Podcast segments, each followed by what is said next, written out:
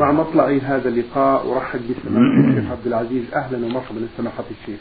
حياه الله وبارك فيه وفيكم. على بركة الله نبدأ هذا اللقاء برسالة وصلت من مكة المكرمة. السائلة سين عين تقول سماحة الشيخ ما هو الإخلاص؟ وكيف يحصل العبد على الإخلاص لله؟ وأنا يا فضيلة الشيخ أرى نفسي أخاف من الرياء وكأن شريك يحجبني ويحبب لي الرياء وإني قد تركت بعض الطاعات وتراني أفكر في هذه الأشياء فماذا أفعل؟ وجهونا جزاكم الله خيرا. بسم الله الرحمن الرحيم. الحمد لله وصلى الله وسلم على رسول الله وعلى آله وأصحابه ومن اهتدى بهداه. أما بعد أيها السائلة وفقني الله وإياك لكل خير. وأعاذنا جميعا من نزغات الشيطان ووساوسه. الإخلاص هو قصد الرب جل وعلا بالعمل. هذا هو الإخلاص. أن يقصد المسلم بعمله وجه الله والدار الآخرة. هذا المخلص. قال الله جل وعلا وما أمروا إلا أن يعبدوا الله مخلصين له الدين. قال سبحانه فادعوا الله مخلصين له الدين ولو كره الكافرون. فالمخلص هو الذي يقصد بعمله وجه الله بصلاته بصومه بصدقاته بحجه بغير ذلك من العبادات. يقصد وجه الله يقصد التقرب إلى الله لا لغيره لا رياء ولا سمعة ولا لقصد الدنيا وإنما يفعل ما يفعل يرجو ثواب الله ويرجو إحسانه سبحانه وتعالى. هذا هو الإخلاص. وأما الرياء يكون يفعل لأجل يراء الناس لأجل يمدحه الناس. هذا منكر ومن الشرك. قال الله جل وعلا إن المنافقين يخادعون الله وخادعهم وإذا قاموا إلى الصلاة قاموا كسالى يراءون الناس ولا يذكرون الله إلا قليلا. فالرياء منكر ومن الشرك.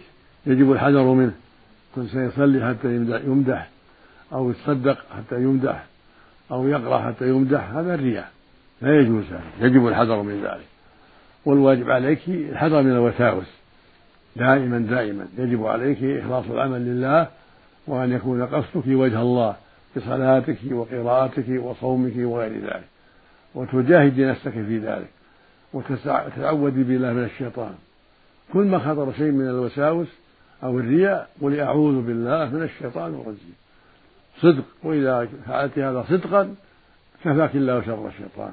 وأعانك عليه. جزاكم الله خيرا سماحة الشيخ. هذا سائل يسأل من فقرتين يسأل ويقول ما حكم الدعاء الجماعي عند القبر؟ الدعاء الجماعي عند القبر ليس له أصل. يتعمد. يقول ندعو ندعو جميعا.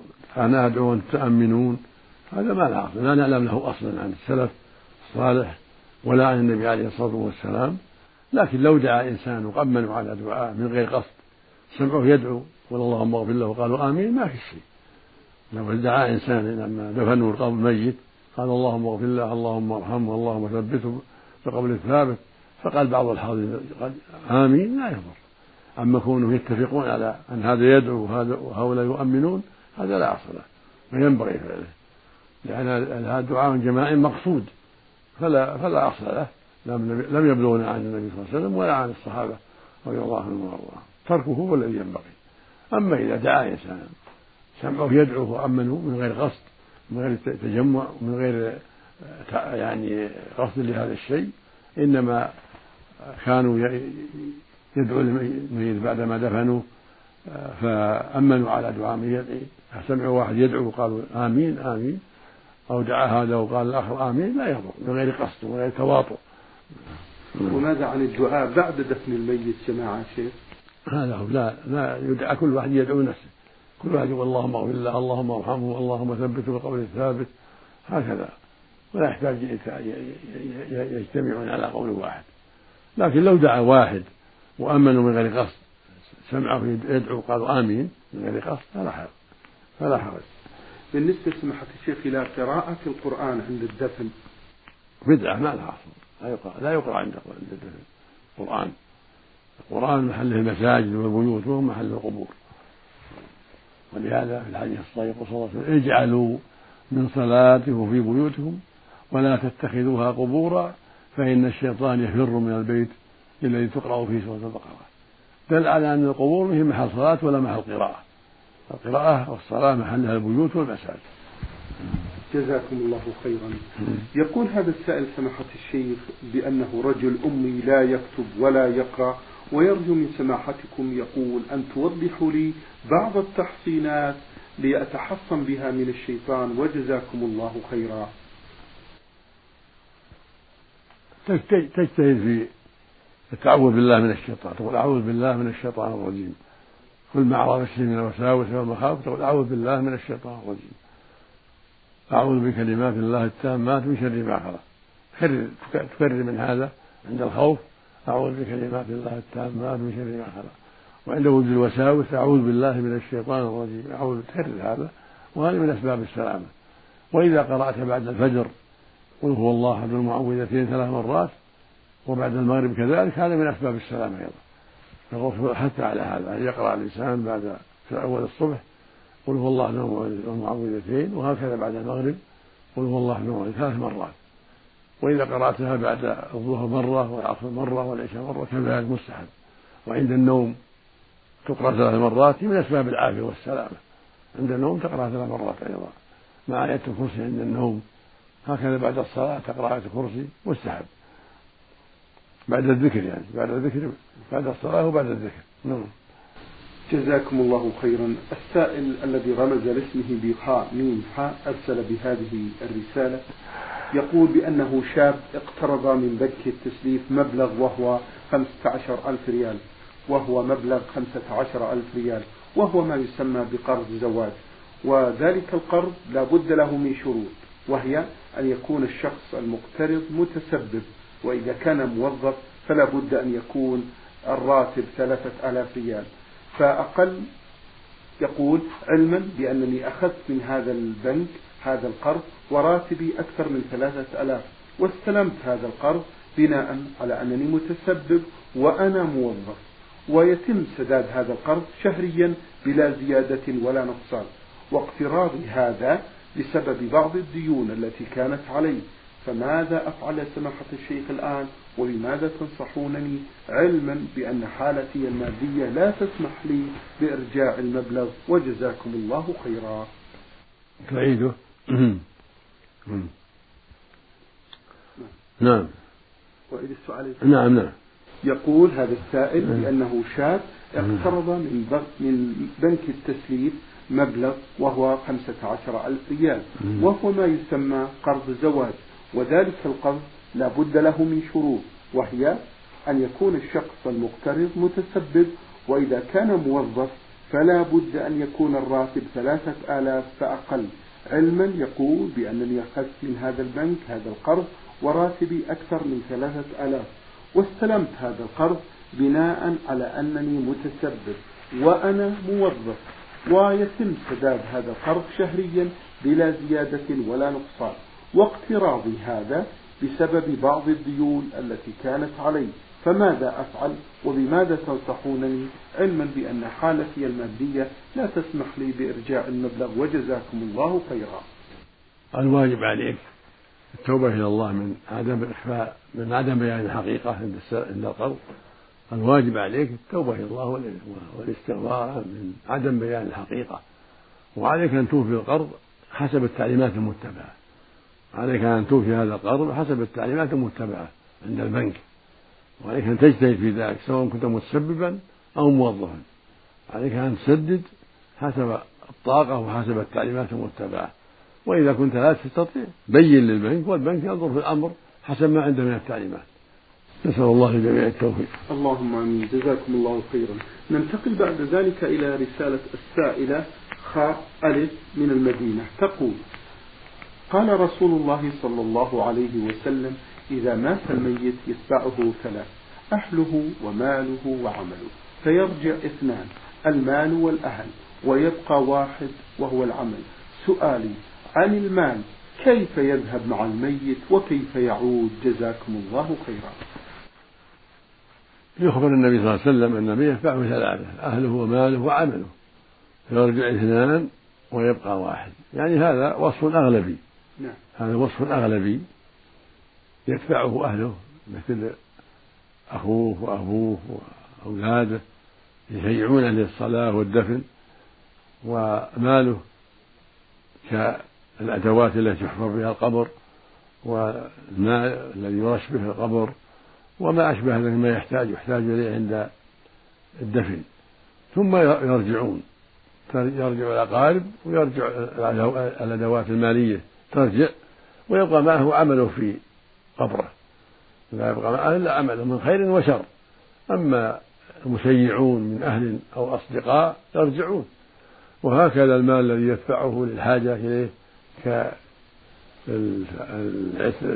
كالأدوات التي يحفر بها والأواني يخرج بها التراب وما أشبه ذلك من الأشياء اللي يحتاج إليها عند الحفر. هذه ترجع. يأتون بها للحفر ثم ترجع الآلات وغيرها إلى إلى البيت. نعم. جزاكم الله خيرا. السائلة تقول سماحة الشيخ إذا وضعت الحنة على الرأس هل يمنع وصول ماء الوضوء إلى فروة الرأس؟ وهل أكتفي بالمسح عليها أثناء الوضوء فقط؟ الصواب أنه يكفي.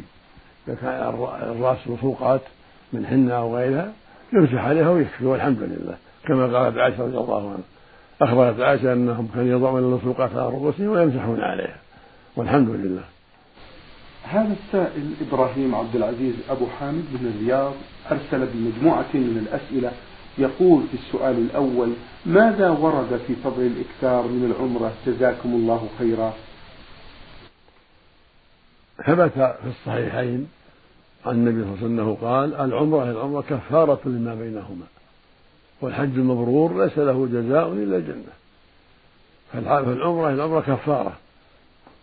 والمعنى والله أعلم كفارة عند اجتناب الكبائر. لقوله سبحانه إن تجتنبوا كبائر ما ما تنهون نكفر عنكم سيئاتكم. فشرط في اجتناب في تكفير السيئات اجتناب الكبائر سبحانه وتعالى. وقال النبي صلى الله عليه وسلم في الحديث الصحيح الصلوات الخمس والجمعة الجمعة ورمضان إلى رمضان كفارات لما بينهن إذا اجتنب الكبائر فالعمرة إلى العمرة والحج إلى الحج كلها مكفرات إذا اجتنب الكبائر. كما قال صلى الله عليه وسلم من حج فلم يرفث ولم يفسق رجع كيوم ولدته أمه. وقال صلى الله عليه وسلم الحج المبرور ليس له جزاء إلا الجنة المبرور الذي أداه الإنسان وهو غير مصر على شيء من الكبائر. لم يفسق ولم يرفث وهكذا العمرة إذا أداها وليس مصرا على شيء من الكبائر. تم كفارة الصغائر. نعم. جزاكم الله خيرا. يقول سماحة الشيخ ما هي علامات قبول الأعمال الصالحات؟ علامات قبولها استقامة أحوال الإنسان. كونه يتقدم في الخير والاجتهاد في الخير. هذه علامة أنه موفق وأن أعماله مقبولة. كونه يجتهد في الخير. ويستمر على الطاعات وعلى صحبة الأخيار. هذه دليل على أن الرجل آه، قد تقبل منه وقد وفق للمجاهدة والاستمرار. فمن علامات القبول انشراح الصدر والاستقامة على الخير والمسارعة إلى الطاعات والحذر من السيئات. فإذا قل شره وكثر خيره وانشرح صدره للخير فهذه من علامات التوفيق والقبول. أن تكون حاله أحسن. بارك الله فيكم. السائل يقول ما هي الآداب التي ينبغي لطالب العلم أن يتحلى بها؟ الآداب الشرعية التحلي بالتواضع وبذل السلام ورد السلام والتوجيه الخير والنصيحة والأمر بالمعروف والنهي عن المنكر صلة الرحم إكرام الجار كف الأذى عن الجار هكذا. هذه الصفات هي علامات الخير وعلامات السعادة. نعم. جزاكم الله خيرا. السائل في آخر أسئلته يقول سماحة الشيخ من نواقض الإسلام مظاهرة المشركين ومعاونتهم على المسلمين نرجو أن توضحوا لنا ذلك. وهل كل الطوائف غير المسلمة تدخل في ذلك؟ أعيد أعيد يقول من نواقض الإسلام مظاهرة المشركين ومعاونتهم على المسلمين. نرجو أن توضحوا لنا ذلك. وهل كل الطوائف غير المسلمة تدخل في ذلك؟ نعم. مضارة مشركين أو مسلمين ردة عن الإسلام. لقوله جل وعلا ومن يتولهم منكم فإنه منهم. كل ظاهر كفار من النصارى أو اليهود أو الشيوعيين أو غيرهم ضد المسلمين وينصرهم على المسلمين هذا تولي للكفار. وردة عن الإسلام نعوذ بالله. نعم. كما نص على ذلك أهل العلم في باب حكم المرتد نسأل الله العافية. جزاكم الله خيرا. ننتقل إلى رسالة السائلة التي رمزت لاسمها بأم رشيد من اليمن ومقيمة في مكة. تقول تذكر بأنها امرأة أرملة توفي زوجها وهي الآن في العدة. تقول أريد من سماحتكم أن تخبروني ما الحكمة من مشروعية العدة للمتوفى عنها زوجها وما العبرة من ذلك مأجورين. الأقرب والله أعلم هو حماية المرأة وصيانتها أن يلحق بزوجها نسل من غيره. يعني المرأة جعل الله العدة صيانة لها وصيانة لزوجها. من أن يلحق زوجها ولد ليس منه فإذا بقيت العدة حتى تكمل العدة كان هذا من الدلائل على براءة رحمها وأنها لم تحمل من الرجل. لو إذا كان هناك حمل بان في العدة. فإذا ظهر حمل بعد ذلك اتضح أنه من غير زوجها حتى لا يلحق به شيء من غيره. فالمرأة بعد الطلاق تعتد بثلاث حيض وإذا كان لا تحيض بثلاثة أشهر والمتوفى عنها بأربعة أشهر وعشر إذا كانت غير حامل. فهي من باب إظهار آه، الحزن على الزوج والتأثر بموته وصيانة المرأة أيضا من أن يعتريها شيء يسبب إلحاق إلحاق زوجها بولد من ليس منه لأنها تزوجت مبكرة. لربما حملت من هذا وأدعت أنه من الأول. فيكون في ذلك إلحاق له بأولاد ليسوا منه. المقصود أن الله جل وعلا شرع العدة لمصالح منها التأثر بانفراغ الزوج وأن يبقى فصل بينها وبين الزوج الآخر ويكون هذا من حق الزوج الأول ومن حريم نكاحه. ومنها أن تكون ذلك صيانة لها عن أن يطأها أحد في بعد ذلك بنكاح. حتى فتشتبه الأمور في نكاح هذا وحملها. ومنها أيضا حماية الزوج الأول من أن يلحق به أولاد من غيره ففيها مصالح كثيرة. نعم. جزاكم الله خيرا. السائلة تقول بأن إمام المسجد الذي بجوارنا أفتاني بأنه لا مانع من الكلام مع أخي زوجي وغيره وأنا متحجبة الحجاب الشرعي. وهو الذي أمرني بأن أخرج في النهار عندما أكون متضايقة بحيث أرجع قبل الغروب. ما رأيكم في هذا سماحة الشيخ؟ يقول بأن إمام المسجد الذي بجوارنا هو الذي أفتاني بأن لا مانع من الكلام مع أخي زوجي وغيره وأنا متحجبة الحجاب الشرعي. وهو الذي أيضا أمرني بأن أخرج في النهار عندما أكون متضايقة بحيث أرجع قبل الغروب. ما رأيكم في هذا؟ لا بأس بالكلام مع أخي الزوج وخال الزوج وعمه ونحو ذلك لا حرج في ذلك. مع البعد عن الفتنة تكلمه في حاجات وهي متحجبة لا حرج في ذلك. والحمد لله. وكان المسلمون هكذا في عهد النبي صلى الله عليه وسلم يكلم الرجل زوجة أخيه ويكلم الرجل جارته وقريبته غير محرمة في الأمور التي يحتاجون إليها مع مع النزاهة والبعد عن أسباب الريبة. أما خروج المعتدة من بيتها هذا في التفصيل. إذا كان لحاجة كخروجها للمستشفى أو المحكمة أو لأسباب أخرى فلا بأس. تشتري حاجة من السوق. أما للنزهة وساعة البال ترك هذا أولى لأن الرسول قال المعتدة أنكو في بيتها حتى يبلغ الكتاب وأجله. عدة الوفاة يعني. كونها تبقى في بيتها وكذلك عدة الرجعية كونها تخرج. إلا بإذنه بإذن زوجها هذا كله مشروع واجب على المرأة. لكن خروجها للحاجة مثل شراء حاجة من السوق مثل المستشفى مثل المحكمة كل هذا لا بأس به. أما مزاورة الناس لا. لأنها في عدة.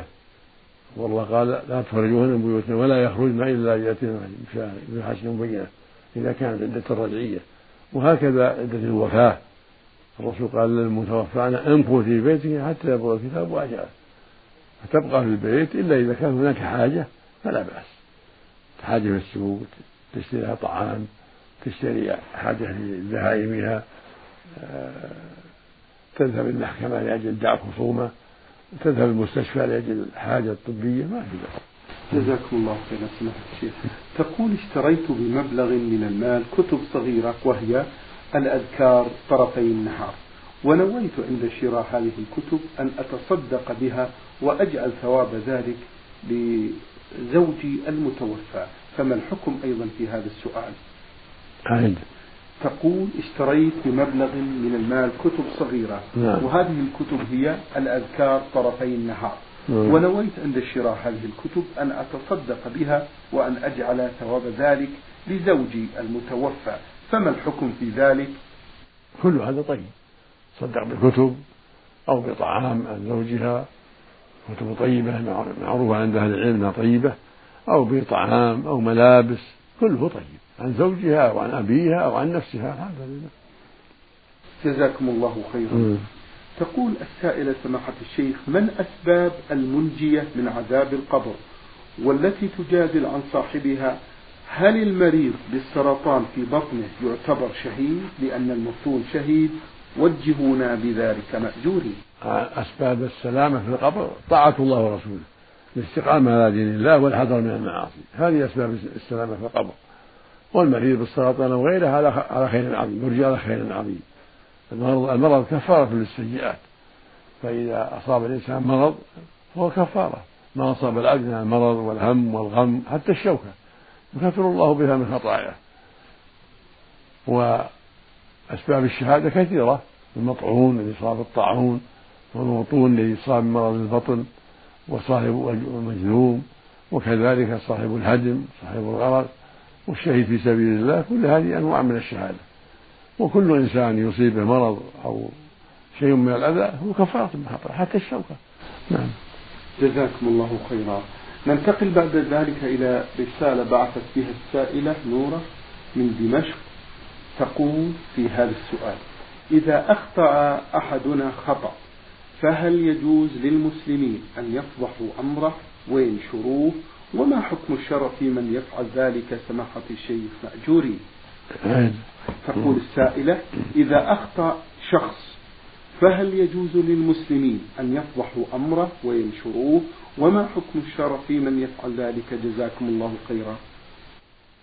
هذا يختلف إن كان الرجل أظهر منكر فلا بأس أن يقام عليه ويعامل بما يستحق من إقامة الحد أو التعزير. أما إذا كان أسر المنكر فلا يجوز فضيحته ولا غيبته بل يجب الواجب الستر عليه. لقول النبي صلى الله عليه وسلم من ستر مسلما ستره الله في الدنيا والآخرة. ولقول الله جل وعلا ولا يغتب بعضهم بعضا. فالمؤمن يستر على أخيه ولا يفضحه ما دامت المعاصي خفية. أما إذا أظهر المنكر وبارز الناس وبارز الله بالمحاربة فهذا لا بأس يعني يظهر أمره ويرفع أمره حتى تقام عليه الحدود الشرعية أو التعزيرات الشرعية وحتى لا يتجرأ الناس على المعاصي كما تجرأ. جزاكم الله خيرا. تقول السائلة من دمشق ابتليت بعادة الإسراف ولست أدري كيف أتخلص منها. أرشدوني أرشدكم الله. الواجب على المرأة والرجل الحذر من الإسراف وأن تكون جميع أعمالها على الاقتصاد وعدم الإسراف لأن الله جل وعلا قال ولا تسرفوا إن الله لا يحب المسرفين. والنبي عليه الصلاة والسلام قال كل واشرب والبس وتصدق في غير سرف ولا مخيلة. الواجب عليك المجاهدة. حتى تعملي ما هو المطلوب من غير إسراف. لأن هذا يضرك ويضر زوجك إن كان لك زوج. فالواجب عليك تقوى الله. وأن تعملي ما هو المناسب من الاقتصاد وعدم إضاعة المال. جزاكم الله خيرا. هذا السائل من آه، اليمن ومقيم في جدة يقول لو حد لو حدث أن رجلا كان يتعامل في الربا من بيع وشراء ثم مات وترك مبلغا من المال من عمله في الربا هل أولاده يرثونه هل الأولاد يرثون ذلك أو يتصدقون به؟ أعد يقول هذا السائل مقيم في جدة لو حدث أن رجلا كان يتعامل في الربا من بيع وشراء ثم مات وترك مبلغا من المال من عمله في الربا هل الأولاد يرثون أو يتصدقون بهذا المال؟ يرثون بعد ما وراء يرثونه. وإذا علموا يقينا أن جزءا من المال ربا صدقوا به. إذا علموا يقينا أن ماله مثلا عشرة آلاف هذه أصل مال يعني رأس مال مهب ربا. وعرفوا أن ألف أو ألفين من الربا يصدقون بها في وجوه الخير. نعم. وإذا جهلوا فالمال كله لهم. إذا جهلوا كل المال لهم. وإذا عرفوا جزءا من المال ربا أو سرقة أو أو ما أشبه ذلك صدقوا به. وإن عرفوا صاحبه ردوه عليه. نعم. جزاكم الله خيرا. يقول هذا السائل أفتونا في رجل تزوج بامرأة من أهل الكتاب. وأنجبت له ولدان. وعندما حضر الرجل الموت بيوم أو يومين أسلمت هذه المرأة. هل ترثه أم لا؟ أعد. يقول رجل تزوج بامرأة من أهل الكتاب وأنجبت له ولدان. وعندما حضره الأجل بيوم أو يومين أسلمت هذه المرأة. هل ترثه أم لا؟ مأجوري نعم ترثه. إذا أسلمت قبل الموت ترثه. والحمد لله نعم. جزاكم الله خيرا. بعد ذلك ننتقل إلى رسالة بعث بها أحد الإخوة المستمعين يقول في هذا السؤال ما هي ظواهر الشرك القولية والعملية الموجودة في أي مجتمع؟ نرجو منكم إفادة. ظواهر الشرك تارة تكون بالكلام وتارة تكون بالفعل. فإذا كان في محل تدعى فيه القبور من دون الله ويجتمع الناس بدعوة الأموات والاستغاثة بالموات هذه مظاهر الشرك. وإذا كان الناس يجهرون بدعاء الأموات أو بدعاء الأنبياء أو الأولياء أو القبور أو الأصنام أو الجن هذه مظاهر الشرك. يستغيثون ينذرون لهم يذبحون لهم هذه مظاهر الشرك. فالواجب الحذر من ذلك. المقصود أن الشرك له مظاهر. تارة عند بدعاء الأموات والاستغاثة بالأموات عند القبور تارة بعبادة أشجار أو أحجار تارة بأصنام مصورة توضع في محلات معينة يدعو لها من دون الله تارة بدعاء الجن والاستغاثة بالجن إلى غير ذلك. تارة بدعاء الأموات وإن كان في وإن كان في بيته أو إن كان في السيارة أو كان في الطائرة يقول يا سيدي فلان يا رسول الله انصرني أو يا سيدي البدوي انصرني أو يا حسين أو يا حسن انصرني أو اشف مريضي أو يا شيخ عبد القادر الجيلاني أو يا فلان أو يا فلان. كل هذا شرك أكبر. ولو في السيارة ولو في الطريق ولو في الطائرة. وإذا كان عند قبر كذلك نسأل الله العافية. نعم.